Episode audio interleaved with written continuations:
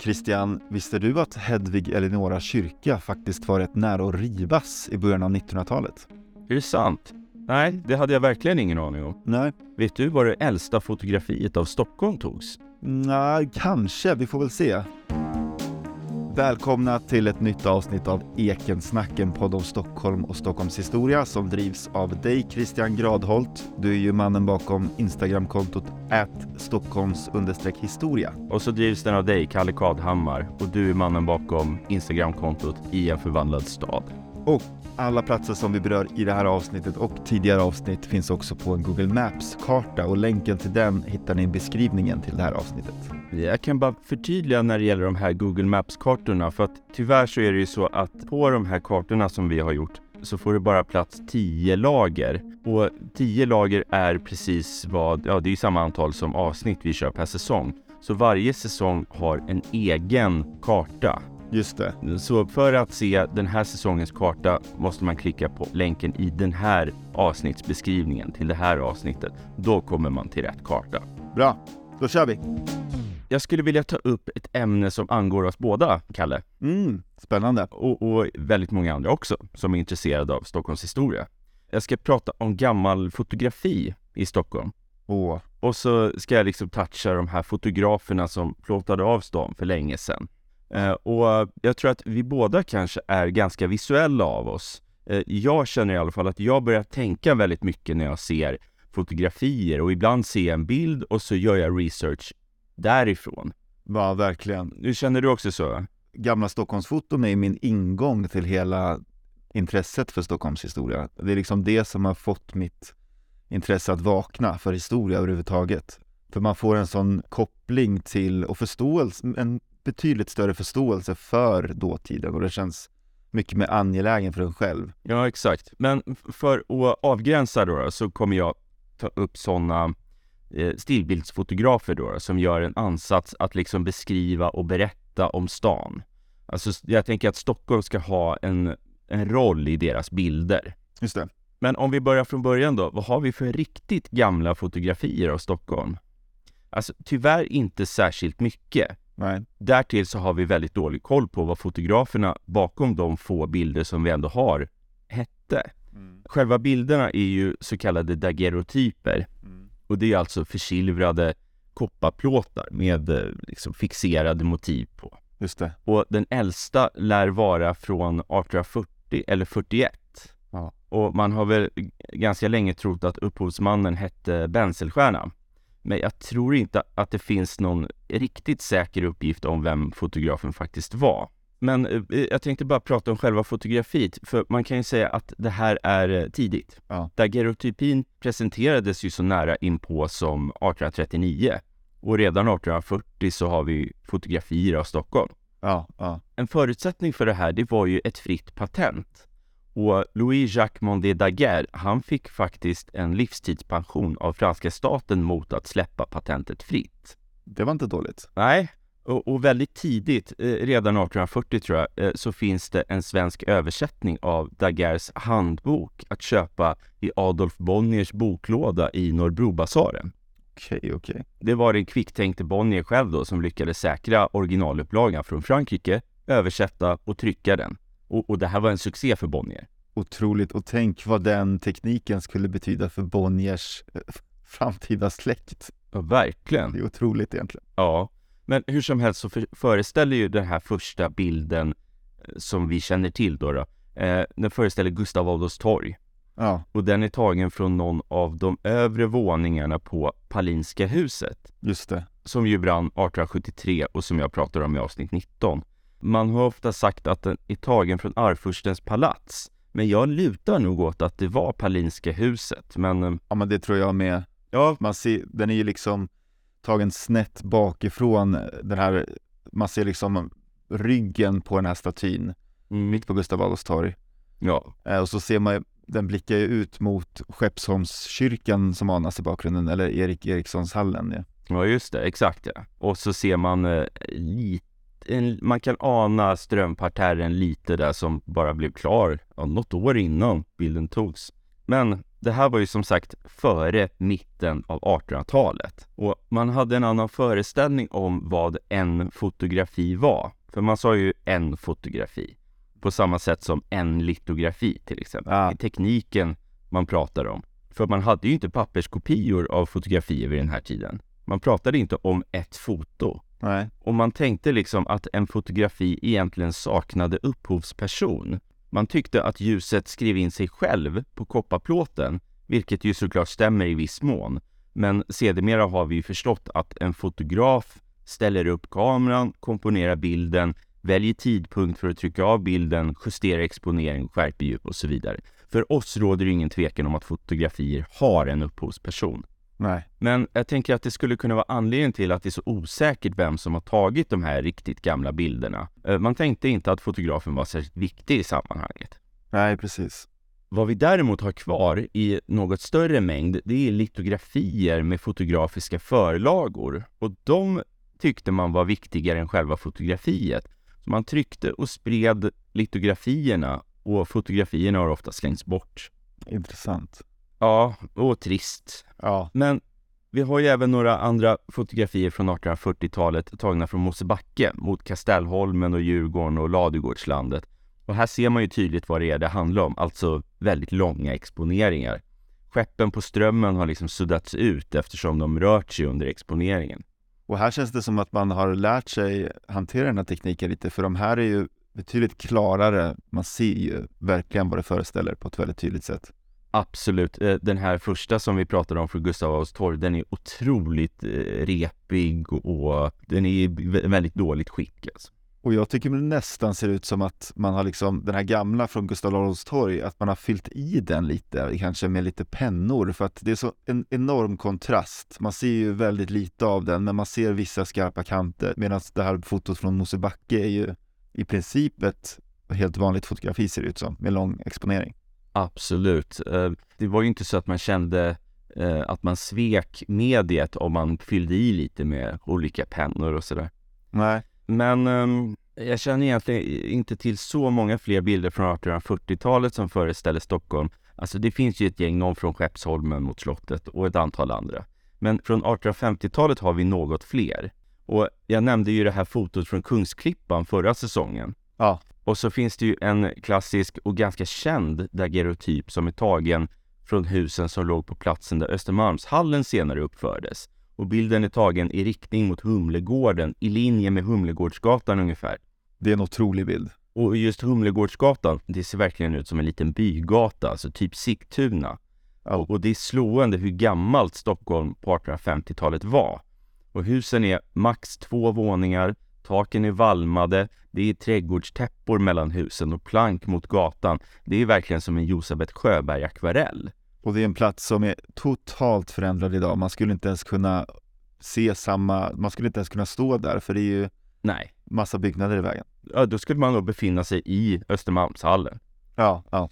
Men vi har ytterligare en från 1850-talet och trakten. Och här finns inte teatern vid Östermalmstorg, alltså blivande Folkan ännu. Och då är bilden alltså äldre än 1856.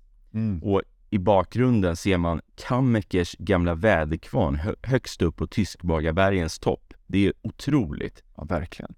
Men 1860-talet då, nu rasslar det ju faktiskt till lite. För här finns det en del fotografier av Stockholm och vi börjar få koll på fotografernas namn i vissa fall. Bland annat har vi eh, bröderna Rössler från dåvarande Strigau i Schlesien som idag är Polen. Just det. De kom till Stockholm på 1850-talet och de har väl främst arbetat i ateljé men de har ändå båda tagit en del bilder av Stockholm, några av de äldsta. Eh, bland annat Munkbromarknaden från Riddarhuset. Det är riktigt häftigt faktiskt. Och en av bröderna, August Robert Rössler, han gifte sig med en kvinna vid namn Maria Kumpfmüller. Hon var dotter till bryggaren på Münchenbryggeriet. Och de fick barnen Ernst och Maria. Och denna Maria, hon gifte sig med en kille som hette Edvard Blom. Och de, de fick sonen Holger Blom, den legendariske stadsträdgårdsmästaren. Just det. Så, så de historiska relationerna här, det, det är som en knut här. Och den andra brodern Rössler, Ernst, det var ju han som föreslog att Profossgatan skulle byta namn till Majorsgatan, vilket han fick igenom. eh, vilket jag har nämnt i ett tidigare avsnitt. Ja. Men sen så har vi även en viss apotekare, Claes Gudmund Nubleus. Och han skrev böcker om farmaceutisk teknologi och han tillverkade parfymer och läsk och hälsovatten. Men han var även fotograf Ja.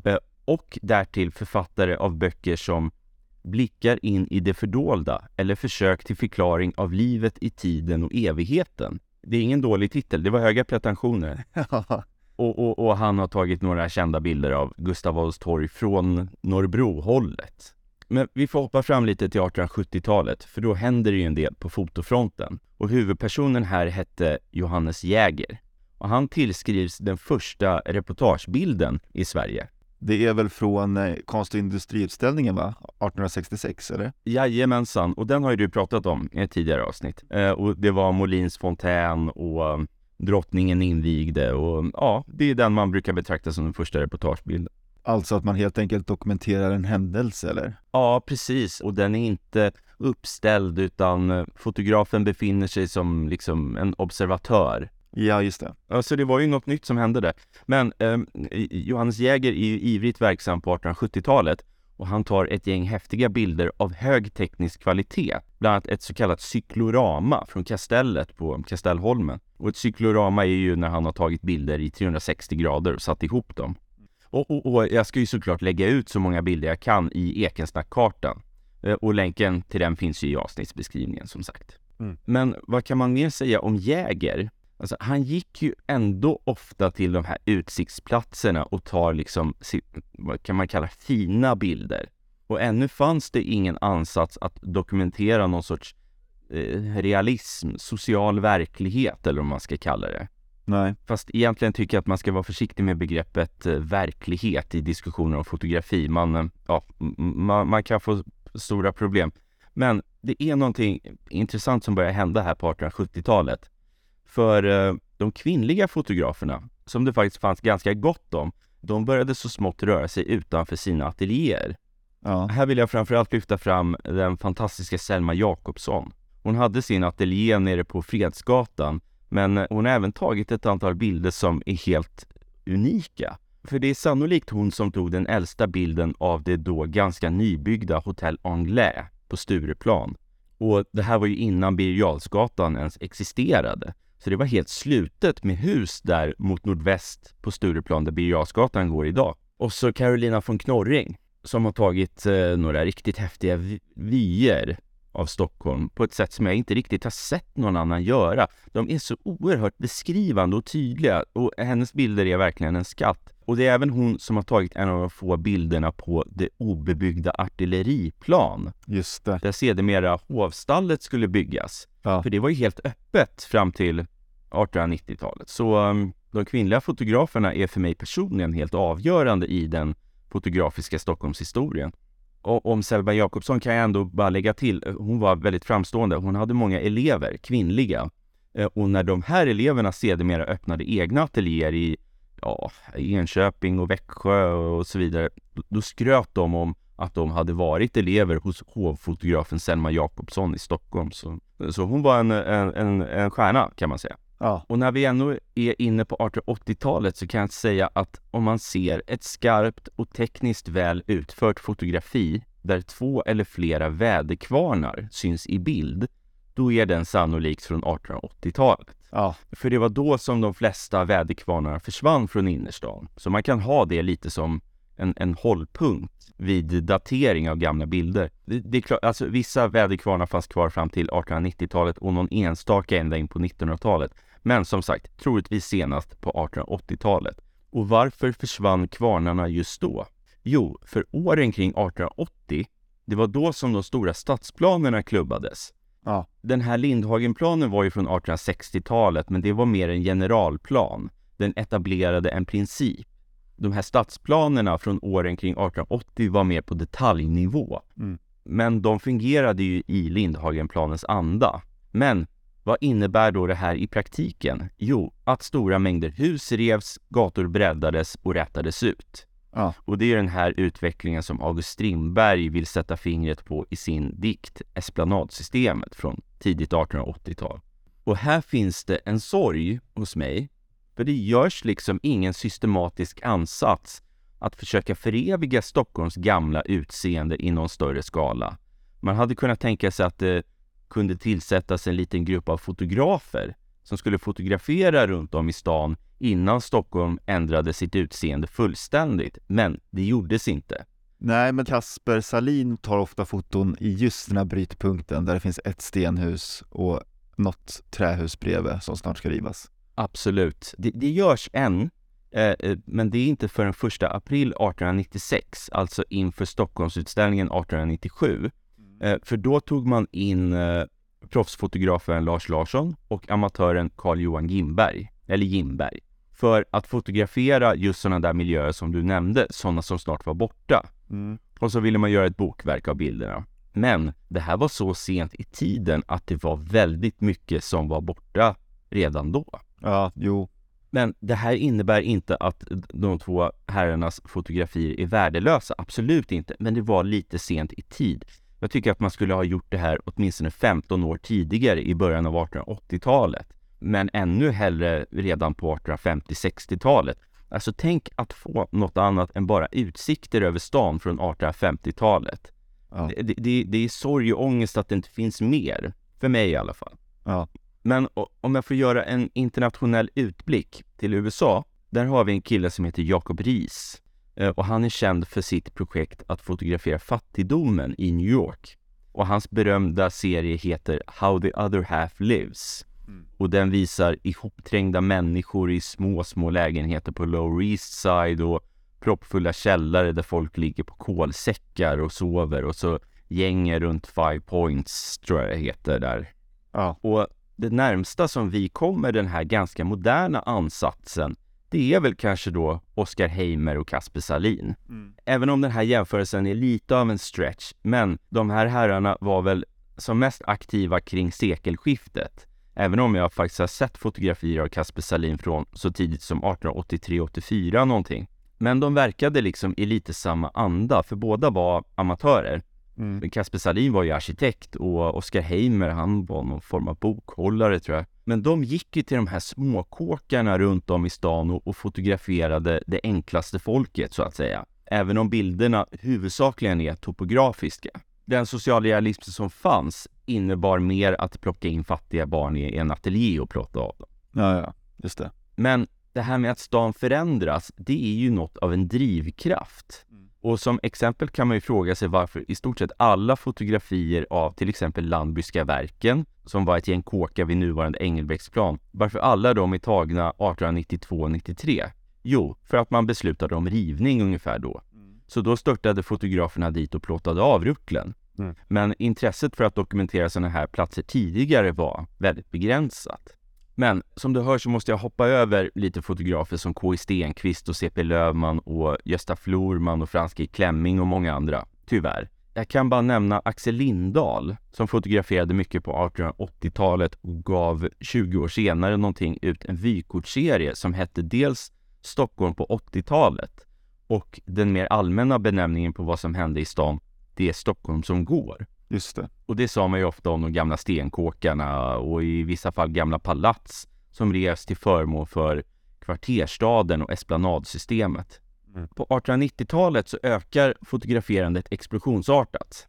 Eh, och det kan jag nog tänka mig har att göra med tillkomsten av den ganska snabba rullfilmen. Och när man säger att en film är snabb, då syftar man på att den är ljuskänslig. Man kan få ner exponeringstiden. Men det här var Kodaks uppfinning och mannen bakom Kodak, det var ju ingen mindre än George Eastman som genom donation bekostade Eastman-institutet vid Dalagatan. Som finns kvar än idag i samma funktion, ja, vilket är fantastiskt. Som en folktandvård. Ja, verkligen. Och det är en jättefin byggnad också. Ja. Runt 1930 där. Men George Eastman var eh, väldigt mån om mindre bemedlade barns tandhälsa. Men 1932 då, då led han så svårt av sin onda rygg att han tog sitt liv med en pistol. Eh, och jag har faktiskt varit i hans hus i Rochester i USA. Mm. Men framåt 1900-talet då, så visar sig en fotograf som ska bli oerhört produktiv. Han hette Axel Malmström. Mm. Och han var väl en av våra första, vad ska man säga, bildjournalister. Mm. Även om han egentligen var typograf och fotoamatör så ser man något nytt här. Jag uppfattar att det var ganska få fotografer innan Malmström som gick nära människor. Mm, exakt. Och det hade väl dels tekniska orsaker, men hos Malmström ser man liksom ett intresse för den vanliga människan.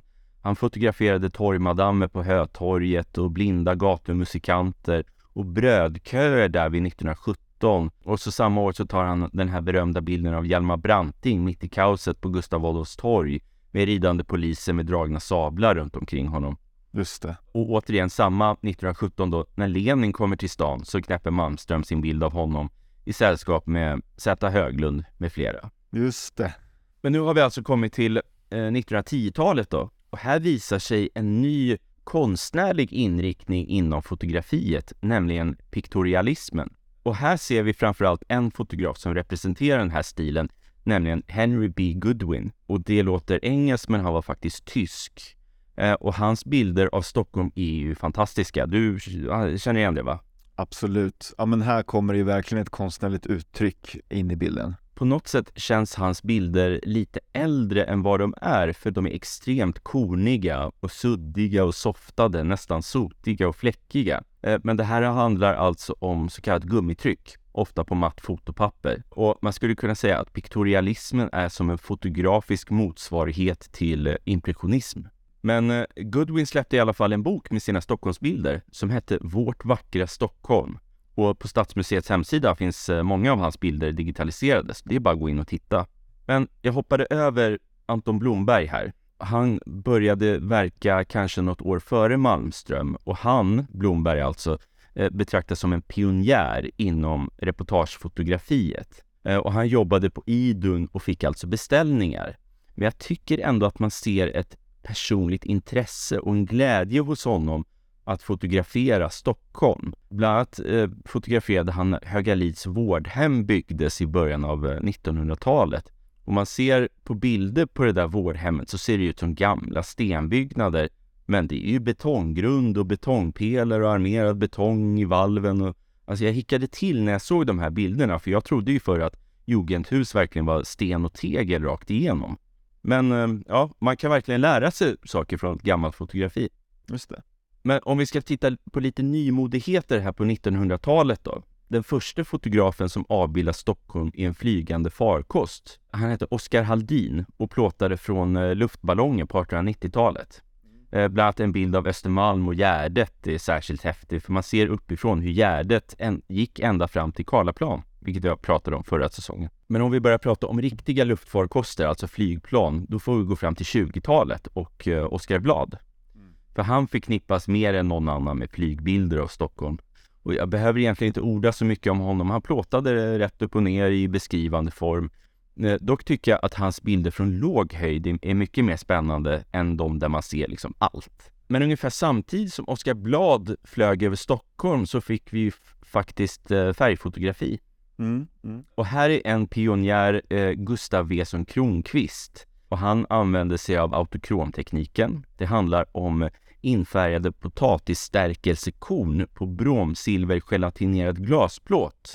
Mm. Men eh, det jag kan säga om hans bilder, det är att de ofta föreställde de nyaste områdena. Till exempel 20-talsområdena på Östermalm och stadshusets byggande och stadsgården och, och Slussens omgestaltning och så. Men jag, jag, kan bara lägga in en fotnot, alltså Kronqvist var inte först med färgfoto av Stockholm, men han var väl, han var ju tidig och han är väl en av de mer kända. Och så ska jag bara nämna en kille vars fotografier egentligen aldrig har golvat mig sådär, men han var otroligt produktiv. Eh, och han tog sig nära människor och jag får en känsla av att han var en fin människa, nämligen Gunnar Lund. Mm. Och om man vill se hans bilder så finns de på Nordiska museet och de är sökbara via digitaltmuseum.se. Och att, han var så produktiv, det kan nog ha att göra med att han var tidig med småbildskamera. Så han gick runt i Stockholm med sin Leica och brände av bilder så det sjöng om det. Eh, och han öppnade sin ateljé, eller om det var en fotobutik där, 1929. Och han var även hyfsat tidig med färgfilm, även om de nu för tiden har tagit en ganska blågrön ton. Så om man ser sådana här blågröna bilder från 30-talet, då är det sannolikt Gunnar Lund som har tagit det. Mm. Jag tycker personligen att hans stora insats var när han i sällskap med Ivar Lo Johansson cyklade runt i Skåne och dokumenterade staternas omständigheter. Och det är en verklig skatt från 1900-talet om, om du frågar mig. Men jag måste nog börja avsluta min exposé här och det är i mitten av 1900-talet. Låt mig gissa. Ja, gissa då. Kör. Lennart af Pedersens. Absolut. Han jobbade från 1942 som fotograf på det nya Stadsmuseet och han eh, dokumenterade hus och portar och gator och gårdar och så vidare. Men det som han är mest känd för, det gjorde han på helt eget bevåg, nämligen att fotografera vid rivningarna i Klara. Ja. Och han har tagit ett antal legendariska bilder här, bland annat vid rivningen av ett hus vid Oxtorgsgatan, där rivningsgubbarna sitter gränsle på ytterväggarna, alltså själva husets väggar, med spett i händerna och man ser in i lägenheterna.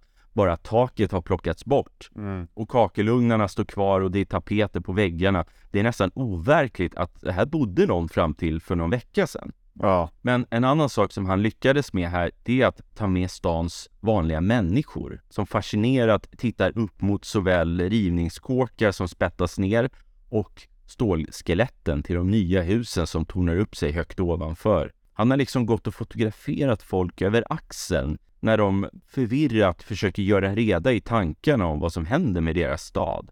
Den faller ner framför ögonen på dem. Mm. Och gropar växer och blir kvar i decennier och gator går på broar över dem och, och det dras fram betongtunnlar som sen täcks över. Det måste ha varit eh, surrealistiskt. Och allt det här fångade Lennart av Petersens på ett eh, ganska otroligt sätt. Alltså jag tycker att hans bilder är en skatt. Det känns som att jag har sagt det några gånger här, men ehm, ja, det är det verkligen. Men jag måste nog tyvärr sätta punkt där, för annars kommer vi bli sittande i dagar och prata om alla fotografer. Jag får nog lämna Stockholmsfotografiet där.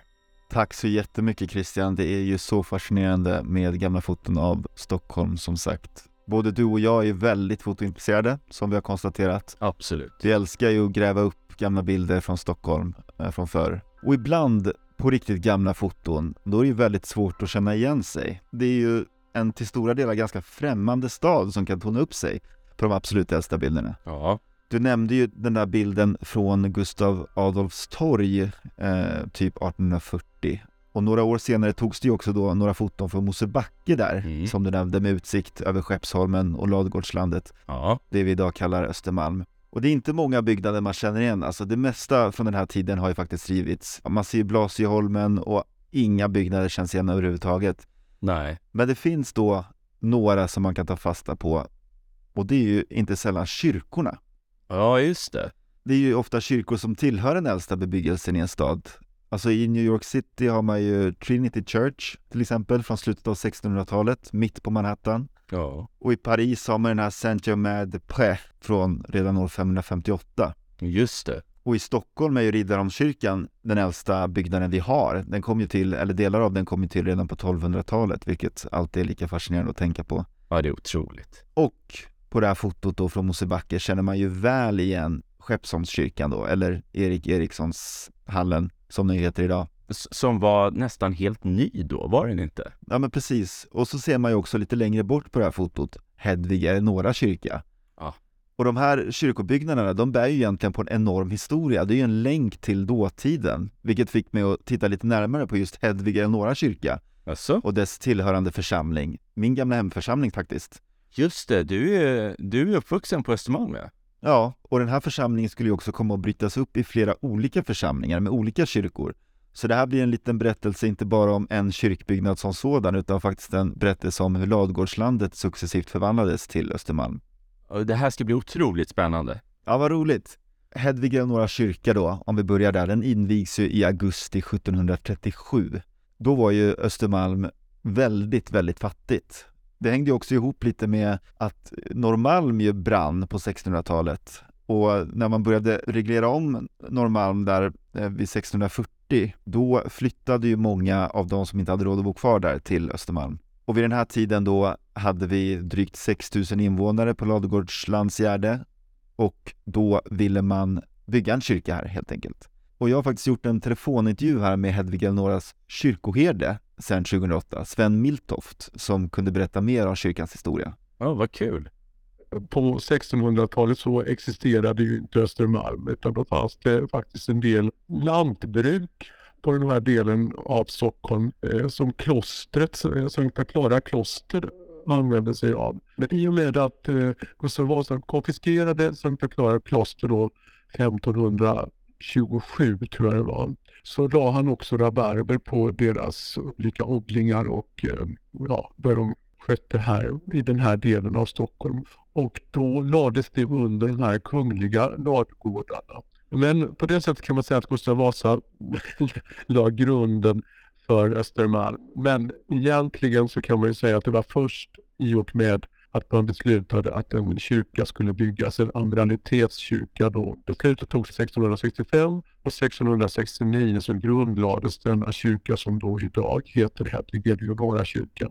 Och på den tiden så bodde ju nästan inga människor alls här. Men det, det fanns en liten amiralitetskyrkogård och, och eh, efter det att Kungsladugården hade etablerats här så flyttade en del människor från flottan av lägre grad också ut på, på Ladugårdsland och Ladugårdsgärde amiralitetet och officerarna och amiralerna de hade ju sin kyrka då på Blasieholmen. Det hette på den tiden Skeppsholmen faktiskt och där fanns det då en egen, hade man en egen kyrka, en amiralitetskyrka som var väldigt sunkig och nedgången tyckte man i alla fall. Den låg där eh, Nationalmuseum ligger idag. Man ansåg att den här kyrkan höll inte måttet för en stormakt som Sverige var, eller försökte vara vid denna tidpunkt.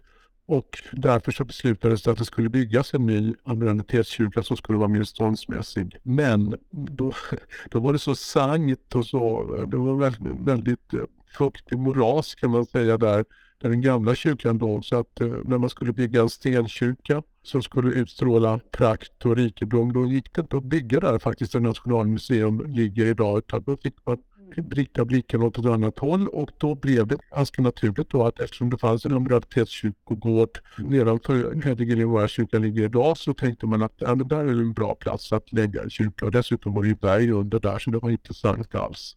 Stadsarkitekten Jean de la Vallée gjorde ju ritningen i samband med den här utbrytningen av församlingen på andra halvan av 1600-talet redan. Ja, just det. Men arbetet skulle snart komma att avstanna på grund av resursbrist. Jag klipper in Sven Miltoft här igen.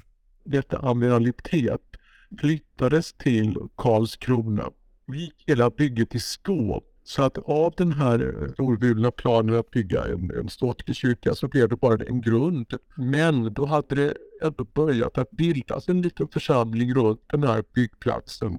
Och den församlingen försökte då ändå att skapa en provisorisk kyrka och då blev det en träkyrka av mycket enkel sak i hörnet av kyrkogården. Och denna träkyrka den fungerade faktiskt som kyrka för då de blivande Östermalmsborna, fast de nu var ladugårdslandsbor mer. Den fungerade så ända fram till 1720-talet då denna lilla församling för det första blev eh, en självständig församling blev avskild från pandianitetet.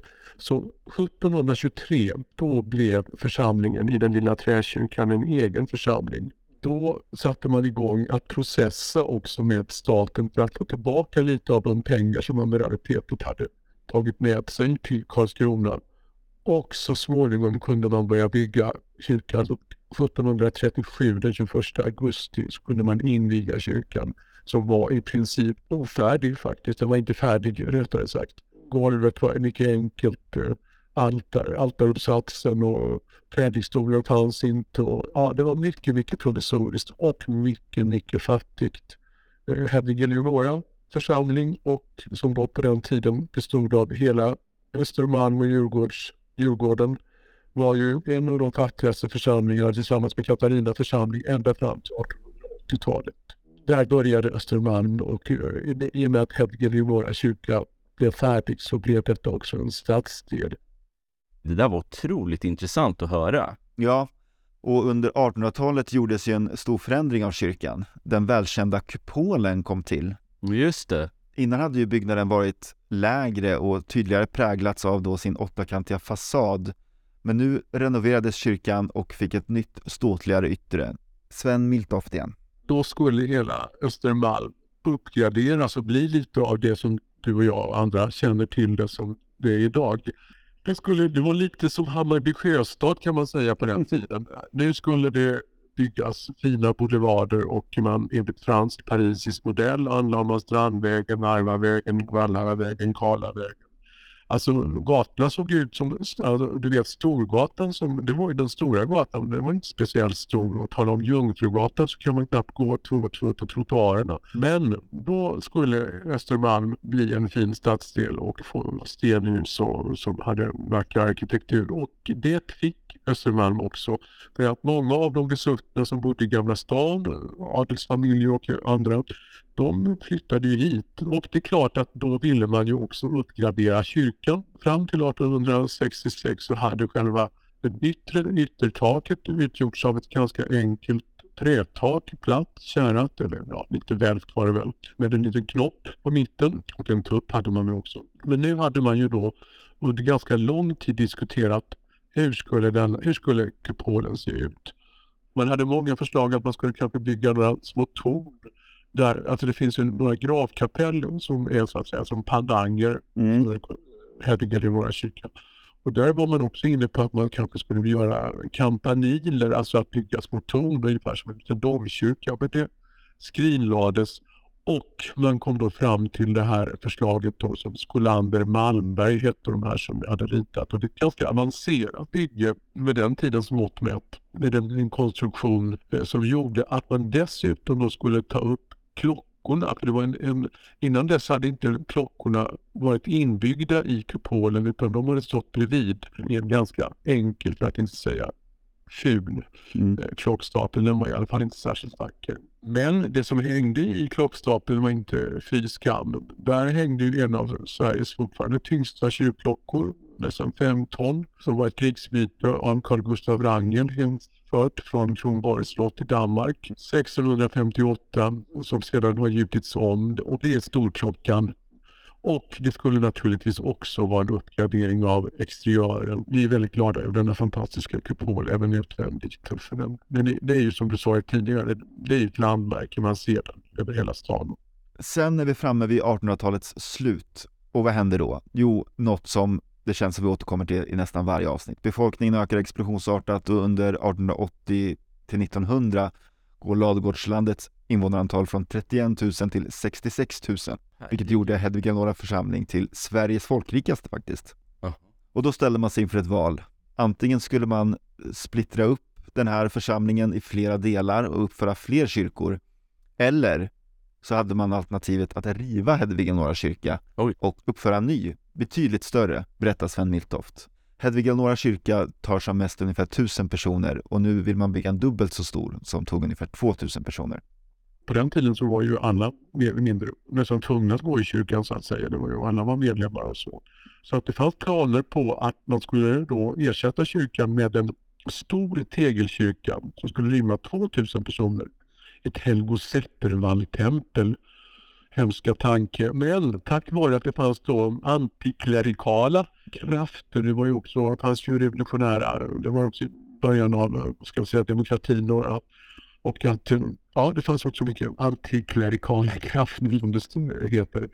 Och de motsatte sig det här. De tyckte att det var slöseri de tyckte att ja, det var inte bra. Det ska man ju vara glad för. Och eh, istället så föddes tanken att församlingen då skulle delas i tre delar. Den ena delen skulle vara då moderförsamlingen, alltså med Hedvig kyrka och sedan så skulle då den andra ligga i öster. Det blev då Oskars församling och sedan den tredje delen skulle då vara Engelbrekts församling.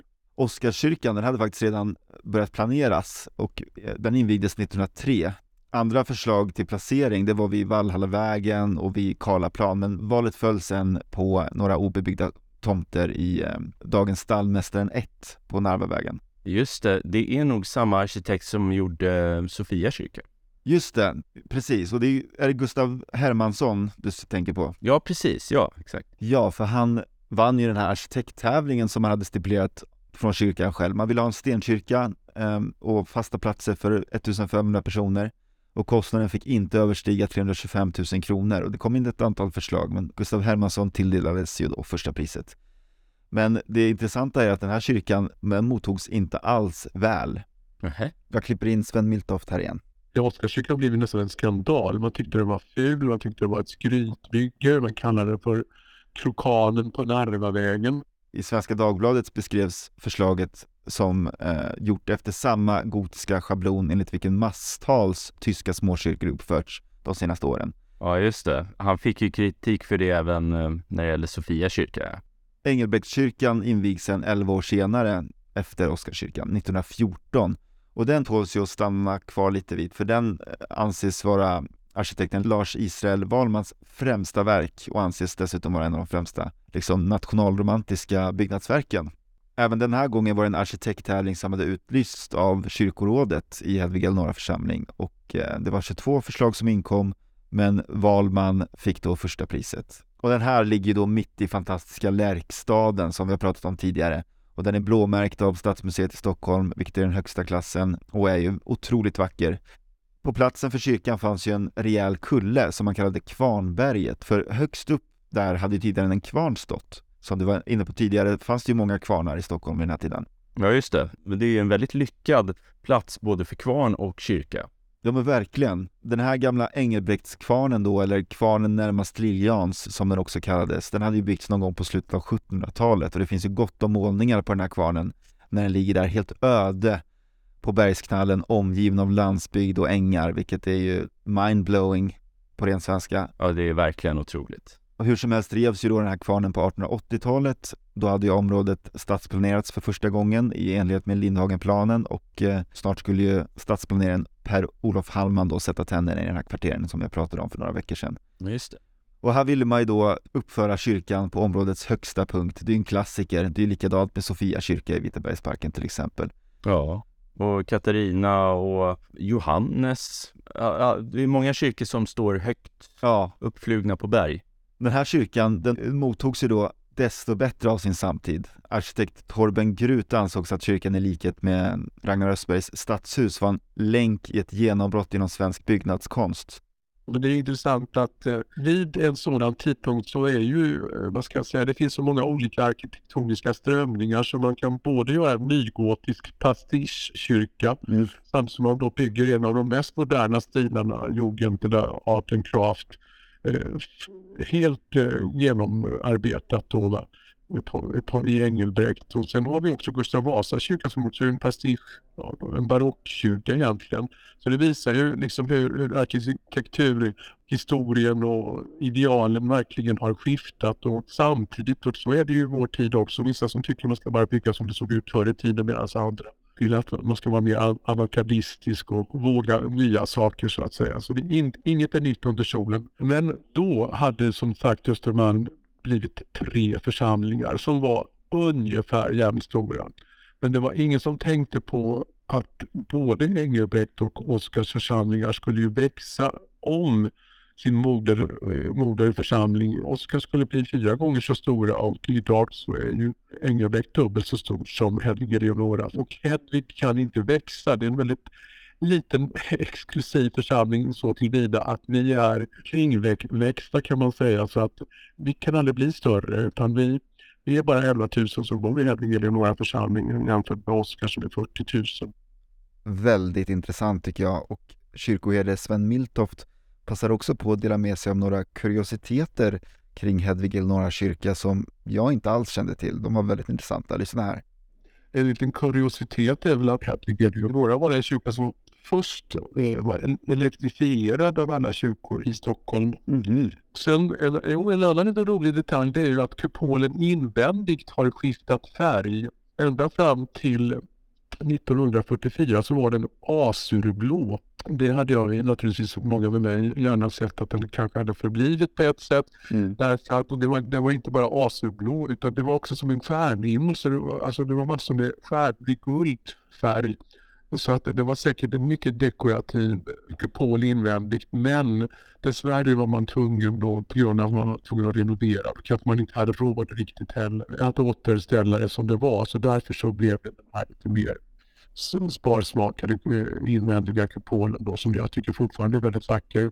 Sen finns det ju också då från denna lilla träkyrka så har vi ju faktiskt då vissa inventarier kvar och dit hör den här dopfunten mm som då är i öländsk sandsten. Den är från 1678 Och den har ju ett eget dopkapell. Sen finns det några epitafier också, graver. Det var officerare som bland annat fanns med på regalskeppet Äpplet som mm. också sjönk ju. Då har vi två stycken sådana epitafier. Det finns en liten rolig grej och det är ju att eh, belysningen har ju skiftat. Jag sa det har ju varit elektrifierat tidigt. Men i denna gamla bykyrka så fanns, hade man då de här ganska fattiga Östermalmsborna samlat ihop till en malmkrona som hängde i denna 1600-talskyrka. Men den sålde man, för man tyckte inte att den höll riktigt måttet kanske då när man skulle elektrifiera och så. Men den köptes tillbaka av grevinnan Hallwyl och hänger idag i Hallwylska palatset som deras matsals uh, ljuskrona. Och Hedvig Eleonora församling är ju än idag en högst levande församling. En länk till vårt eh, förflutna kan man ju säga, eh, som finns kvar än idag, vilket är intressant. Verksamheten har ju verkligen förändrats också, inte bara arkitekturen invändigt och försköningen och uppgraderingen utan även verksamheten har ju, inte minst under senare år. Idag är ju Hedvig Eleonora något av en navel eller ett nav på Östermalm skulle jag vilja påstå. Lite av, mm. lite av Folkets hus i någon god mening. Det är en verksamhet som vänder sig till väldigt mycket människor och vi har en, en väldigt stark kultur och musikprofil. Och det är för att vi vill att det ska vara några trösklar och öppna dörrar. Jag har ju försökt att utveckla verksamheten på det sättet att eh, kyrkan måste tala många olika språk. Vi kan inte bara beskriva mysteriet med hjälp av ord utan vi måste använda konstens språk, musikens språk. Och, ja, vi måste bli mångspråkiga och inte se så att säga att man bara kan närma sig det vi benämner Gud. Många, många människor i naturen en, en, en religiös upplevelse men det kan finnas för många tror jag också även konsten och musiken och därför måste man ta det på ännu större allvar i kyrkan än vad vi har gjort. Mm. Och det gör vi nu i och vi blev till och med utnämnda till årets kulturdestination av en sån här um, magasin. Först tyckte jag det var kul att vi blev nominerade tillsammans med Skansen och Kramaten och Liljevalchs och allt vad det var. Och sen vann vi dessutom så det var ju lite roligt. Det får man vara glad för. Det var allt jag hade för idag Christian. Men tack Kalle. Vet du hur många kyrkor det finns i Stockholms stift förresten? Oh, jag har ingen aning, men äh, jag hugger till med hundra. Det är faktiskt 221 stycken. Uff, ja, det var ju lite fel, men äh, det är många kyrkor alltså. Det är väldigt många kyrkor och det säger någonting om vilket betydande inslag i vår stadsbild de här kyrkorna har. Även i dagens sekulariserade tidevarv så är det en, ger de en väldigt stor effekt på vår omgivning. Absolut förutom att de är väldigt vackra och har gett namn många stationer och busshållplatser så är de ju faktiskt en länk till vår historia. Så tänk på det nästa gång ni passerar en kyrka. Ja, verkligen. Vi hörs igen om två veckor och tills dess når man ju oss gemensamt på ekensnack.gmail.com men man kan ju också vända sig till oss individuellt och då når man ju dig på ditt Instagramkonto stockholms historia. Och dig når man på Instagramkontot i en förvandlad stad. Och vi tackar Christian Jäderberg för musik. Vi hörs! Vi hörs!